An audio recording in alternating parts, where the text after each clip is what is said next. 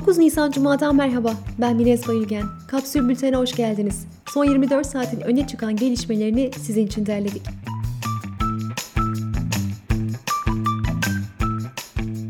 Farklı dönemlerde polis şiddetine maruz kalan Dilşat Aktaş, Zeycan Balcı ve Zeyno Bayramoğlu yaşadıklarını anlattı. Aktaş, emekli öğretmen Metin Lokumcu'nun ölümünün ardından Mayıs 2011'de katıldığı protestoda polisin kalça kemiğini kırdığını söylüyor. Bir sivil polisin sopa ile kendisine vurduğunu aktaran Aktaş, kasıklarına kasıklarına vurun şeklinde bağırışlar duyduğunu anlatıyor. Hastane süreci sonrası 6 ay tekerlekli sandalye kullandığını ve bir yıl koltuk değnekleriyle yürüdüğünü aktaran Aktaş'ın dosyası kayıtlarda faili meçhul olarak geçiyor.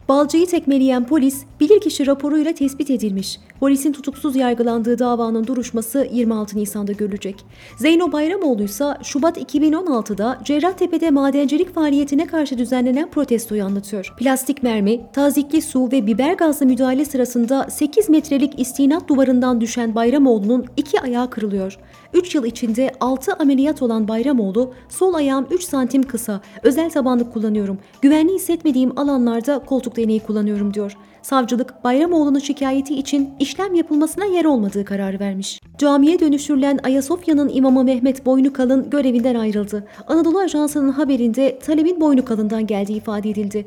İstanbul Sözleşmesi için kaldırılmış hamdolsun mesajını paylaşan Boynukalın, kurdaki dalgalanmadan sonra faizcilerle mücadele etmek İslam'ın emridir demişti. Güvenlik soruşturmasına ilişkin kanun teklifi mecliste kabul edildi. Arşiv araştırması ilk kez veya yeniden kamu görevine atanacaklar hakkında yapılacak. Avukat Celal Ülgen, bildiriyle ilgili gözaltına alınan 10 emekli amiralin gözaltı süresinin 4 gün daha uzatıldığını duyurdu. Ülgen, yaşları nedeniyle ifadeye çağrılan 4 emekli amiralin de ifadesinin 12 Nisan günü alınacağını aktardı. Bildiriyi kınamadıklarını açıklayan ve Milli Savunma Bakanlığı'nı yalanlayan Türkiye Emekli Subaylar Derneği hakkında denetim başlatıldı. AYM, medya organlarının kapatılması ve mallarına el konmasına ilişkin KHK hükmünü anayasaya aykırı olduğu gerekçesiyle iptal etti. İçişleri Bakanı Soylu, Cumhuriyet yazarı Barış Pehlivan'ın yazısını bu habercilik hastalıklı, bu çocuklar hasta, tedaviye ihtiyaçları var sözleriyle eleştirdi.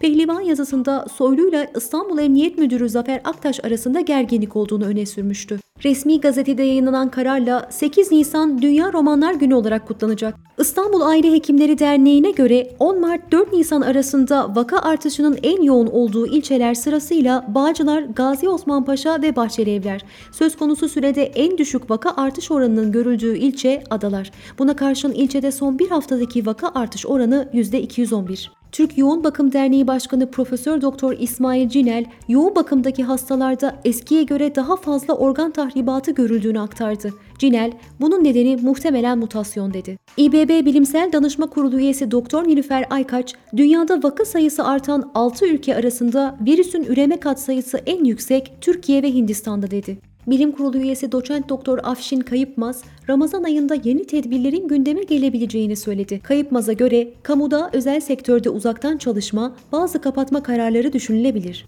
AB Konseyi Başkanı Michel, Avrupa Komisyonu Başkanı von der Leyen'le yaptığı Türkiye ziyaretinde yaşanan koltuk kriziyle ilgili Ursula ve ben bu durumun daha kötü bir olaya dönüşmesini istemedik dedi. Dışişleri Bakanı Çavuşoğlu ise oturma düzeni AB'nin talepleri doğrultusunda ayarlandı dedi. Konsey Başkanı Michel'in ekibi ise şu ifadeleri kullandı. Her şey protokole uygundu. Michel diplomatik olarak daha üstte. Hollanda'da yayınlanan D Telegraf gazetesinde iki Avrupa kurumu arasındaki rekabet ve gerilim Erdoğan tarafından kolaylıkla sömürüldü dendi. Avrupa Konseyi'nin yıllık cezaevi istatistiklerine göre Türkiye her 100 bin kişide 357 mahkum oranıyla listenin başında yer aldı. Türkiye'yi 356 tutuklu oranıyla Rusya takip etti. İzlanda ise 45 kişiyle son sırada. ABD Dışişleri Bakanı Blinken, eski Başkan Trump yönetiminde askıya alınan Filistin'e mali yardımları yeniden göndermeyi planladıklarını açıkladı. Yardım 235 milyon dolar değerinde. Rusya'da tutuklu bulunan muhalif lider Navalny'nin sağlık durumunun kötüleştiği söylendi. Tedavi hizmeti verilmediği için bir haftadır açlık grevinde olan Navalny'nin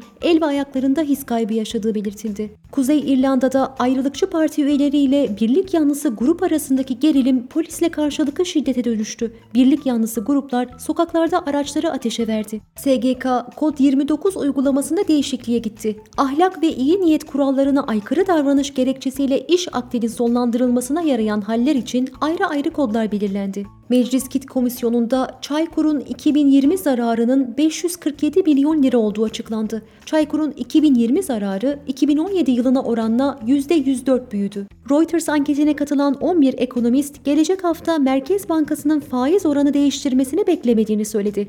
Bir ekonomist ise faizin %19'dan %18,5'a düşmesini beklediğini belirtti. Uluslararası Nakliyeciler Derneği Yunanistan'ın Türkiye'li tır sürücülerinin vize başvurularına red yanıtı verdiğini söyledi.